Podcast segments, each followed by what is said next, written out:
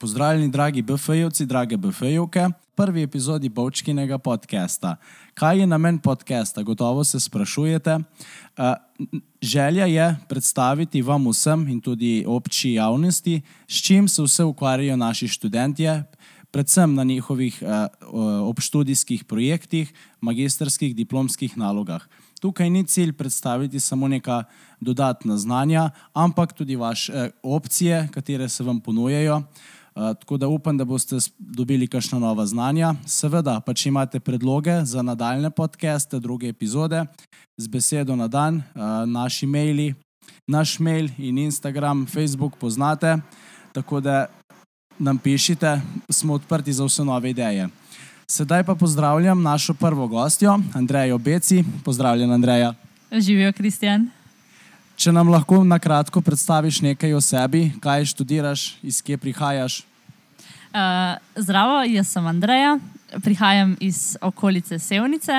Sicer pa sem uh, študentka biotehnične fakultete, na prvi stopni sem študirala zootehniko, zdaj pa sem že absolventka uh, ekonomike naravnih virov, prav tako na biotehnički fakulteti in sem ravno v času, ko pišem magistrsko nalogo. No, si mi že vzela besede, besede iz ust, s čim se ukvarjaš na magistrski nalogi? Ja, v, v svoji magistrski nalogi želim um, narediti analizo, e ekonomsko analizo, kaj se dogaja s kmetijami ob um, spremembi načina kmetovanja v, naravo, uh, v upoštevanju naravovarstvenih praks.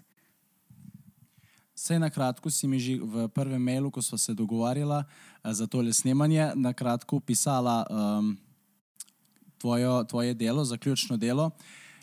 Omenila si, da tudi ocenjujete trenutno stanje biodiverzitete na določenih kmetijskih zemljiščih, površinah. Kako točno to ocenjujete? Ja, osredotočili smo se na uh, Ljubljansko barje. Ljubljansko barje je um, zdaj že, lahko rečem, kmetijska krajina, ki pa je um, zavarovana z um, Natura 2, ki je zavarovana območje Nature 2000 in je še vedno uh, naravovarstveno zelo pomembno območje. Se pa uh, z razvojem, osuševanjem in intenziviranjem kmetijstva seveda spreminja trenutno stanje pa so nam pomagali oceniti uh, biologi na, um, na, na osnovi podatkov kartiran. Pač, um, oni na vsake nekaj let popisujejo določene dele barja, čeprav že celotno barje ni bilo popisano že od predstopa v Evropsko unijo, tako da ne morem reči, da so podatki najbolj sveži. Um, ampak ja, meriti biodiverziteto je izjemno težko. Um, in uh, obstajajo različni podatki, recimo za habi različne habitatne type, um, sicer pa Društvo za opazovanje in preučevanje ptic.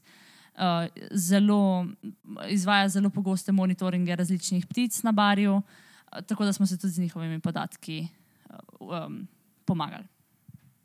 Zakaj ravno ptice? Zakaj so ptice primerne za merjenje oziroma za ocenjevanje stanja biodiverzitete? Ja, um,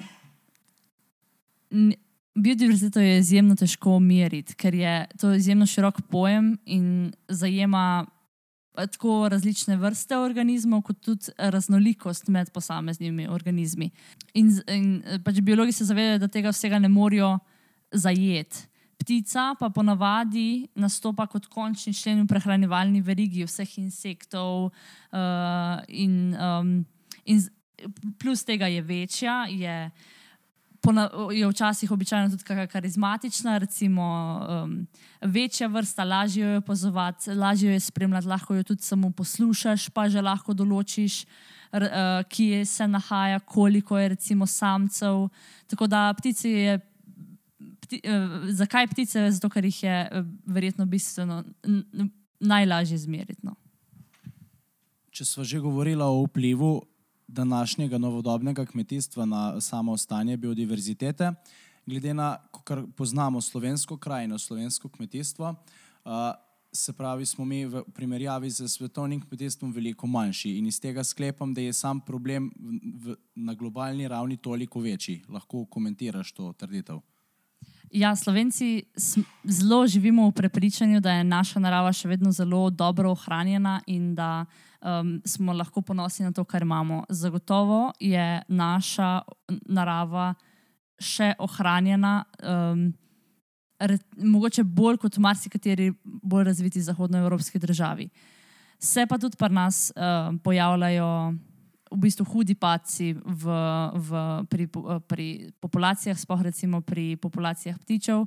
Um, zaznavajo tudi do 90-odstotni padec populacije, se recimo v primerjavi z letom 90, kar, spoh, kar je recimo 30 let um, nazaj, kar sploh ni tako zelo dolga doba.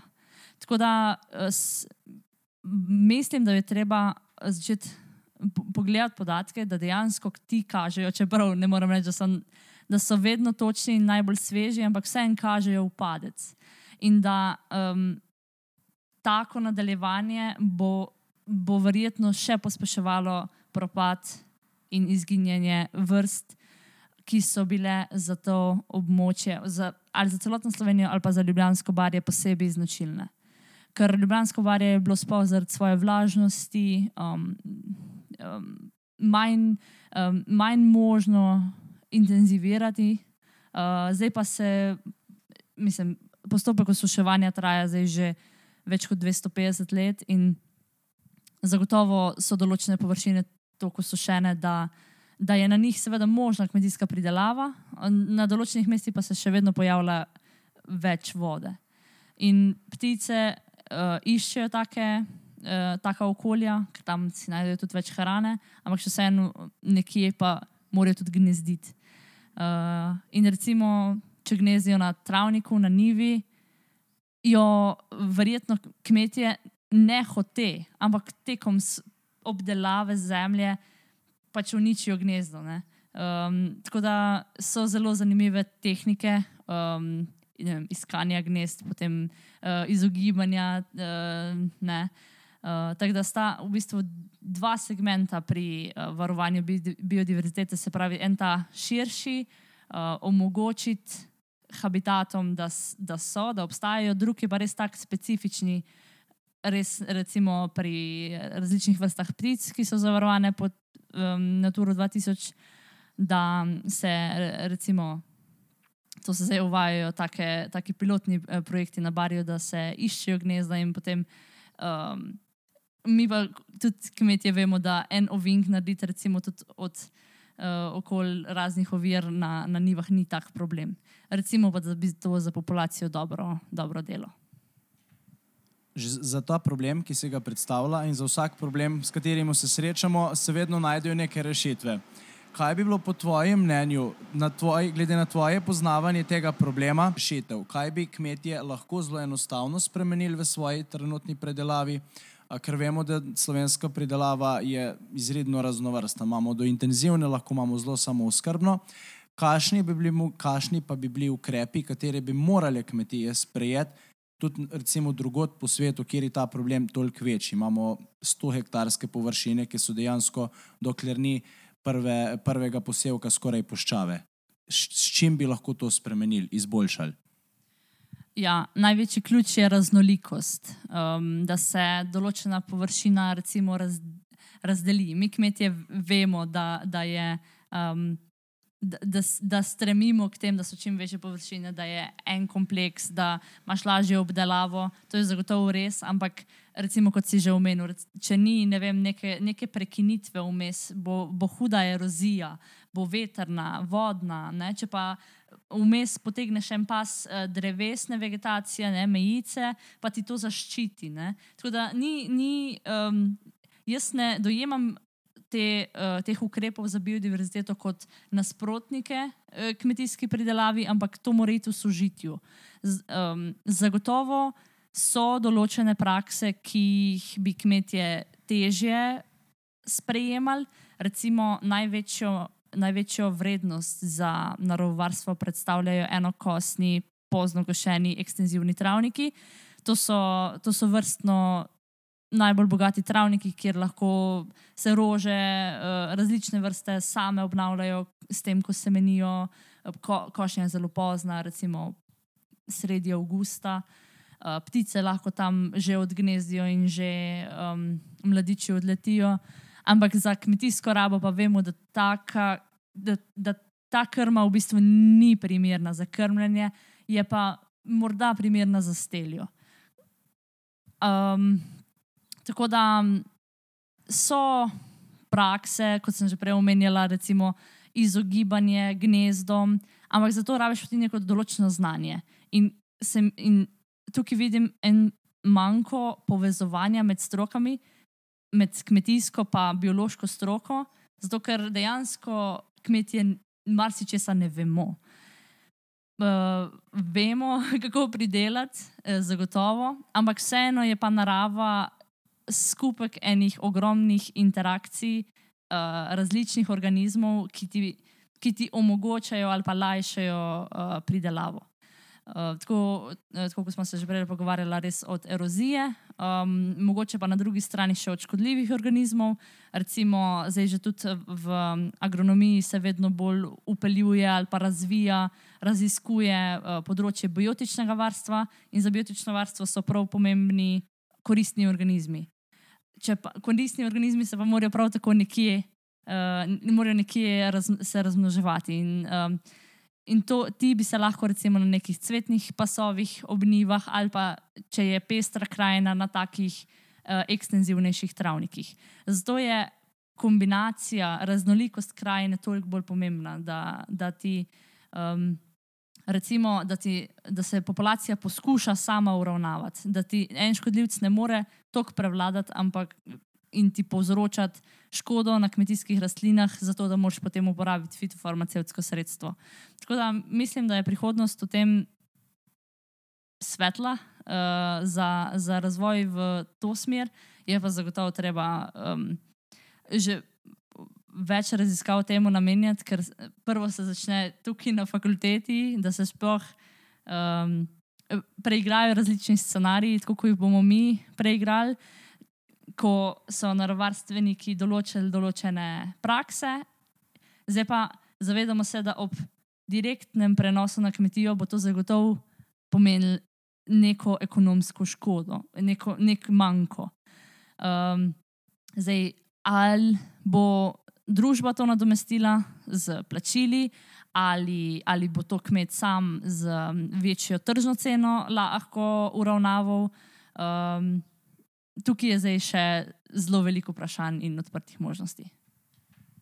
Še, eno, še en kratek argument, če mi boš podala, glede na tvojo naravo študija, poznavanja uh, kmetijstva, pa v tej debati, ki smo imeli glede izgubljanja biodiverzitete, da se ta intenzivno novodobno kmetijstvo je pač tudi neka krivda.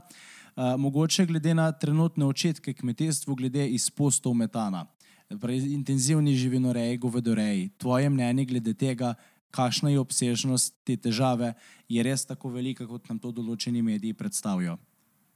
Ja, dejstvo je, da uh, je govedo.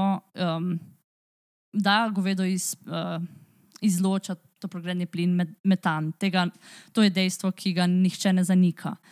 Je pa res, da ni velika razlika med tem, ali krava proizvede recimo 4000 litrov mleka v laktaciji ali pa 10.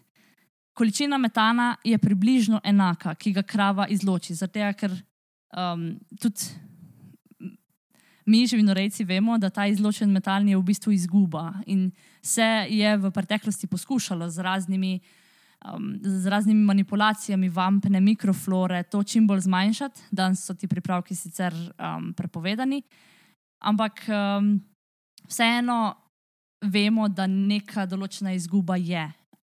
Je pa zdaj bistvena razlika. Če mi z eno kravo, ki proizvede določeno količino metana, proizvedemo manj, se pravi, je ta, to mleko bistveno bolj obremenju, ob, obremenjeno na kilogram mleka, kot pa tista krava, ki proizvede recimo 10.000 litrov. In zato marsikdo misli, da recimo tiste krave, ki jedo zgolj vem, slabo, kvalitetno krmo, da so tudi okoljsko bolj sprejemljive. Iz tega vidika ravno ne. ne. Uh, tako da, in ja, um, je zagotovo problem na svetovni ravni. To, to sem hotel še komentirati, da marsikdo manipulira, pa govori o svetovni ravni ali pa potem slovenski, evropski ravni. Zavedati se moramo, da na svetu je zelo veliko, veliko število goveda, zelo eh, ekstenzivno rabljeno. In če pogledamo na svetovni ravni, so zagotovo to um, ve, veliki onasnaževalci, um, ki pa potem, če pa pogledamo evropsko um, sliko, je pa transport bistveno večji problem. Um, tako da, um, ja, je problem, ki, ki uh, ampak če, če dobro poznaš podatke, se zavedaš razlike. No, ko sem že omenila transport, se moramo tudi zavedati, da kmetijstvo vseeno prispeva en del tega transporta. Tako da mogoče je um, bolj kot, mislim, ja, kot rešitve, lahko, kaj lahko kmetijstvo naredi za manjši izpust toplogrednih plinov. Zagotovo so to uravnoteženi krmni obroki, um, ki, eh, skozi katere si ti um, z, z optimiraš, bom rekla, um, določene. Um, segmente krme, da za tak in tak, um, eh, tako in tako količino mleka, um, da nimaš recimo prevelik, um, preveliko energije, pa premalo beljakovin ali pa v, v obratno. No, na drugi strani pa mislim, da bi lahko kmetijstvo, mislim, da se bi mogli zavedati, da, da te veliki transporti, recimo um, soja iz Južne Amerike, čeprav vemo, da, da, da evropska živinoreja temelji, ne morem reči temelji, ampak je kar precej zrasla zaradi uvozenih, uvoženih surovin. Uh, tako da verjamem, da če se bi naredili več na tem, da bi bila uh, krma že iz ožjega območja, iz bolj lokalnega območja, bi tudi na tak način kmetijstvo pripomoglo k manjšemu izpustu toplogrednih plinov. Andreja, najlepša hvala za ta pogovor. Mislim, da smo se vsi nekaj naučili, uh, dobili drugo perspektivo, drugo stran uh, zgodbe, če lahko tako rečem. Uh, vsem poslušalcem bi se najrajš, oziroma najlepše se zahvaljujem za, za pozornost na prvi epizodi. Uh, seveda najdete nas na YouTubu, tudi лаjkajte, subskrbajte, da nam boste sledili za sledeče epizode. Seveda smo pa odprti za vse nove teme, predstavitve. Če imate kakšne zanimive kolege z zanimivimi tematikami, vedno smo odprti, da se kaj novega naučimo. To bi bilo pa tudi to za danes, tako da Andreja, te še enkrat hvala. Um, pa lep pozdrav in uspešno, uspešno upravljanje študijskih obveznosti. Hvala in lep pozdrav.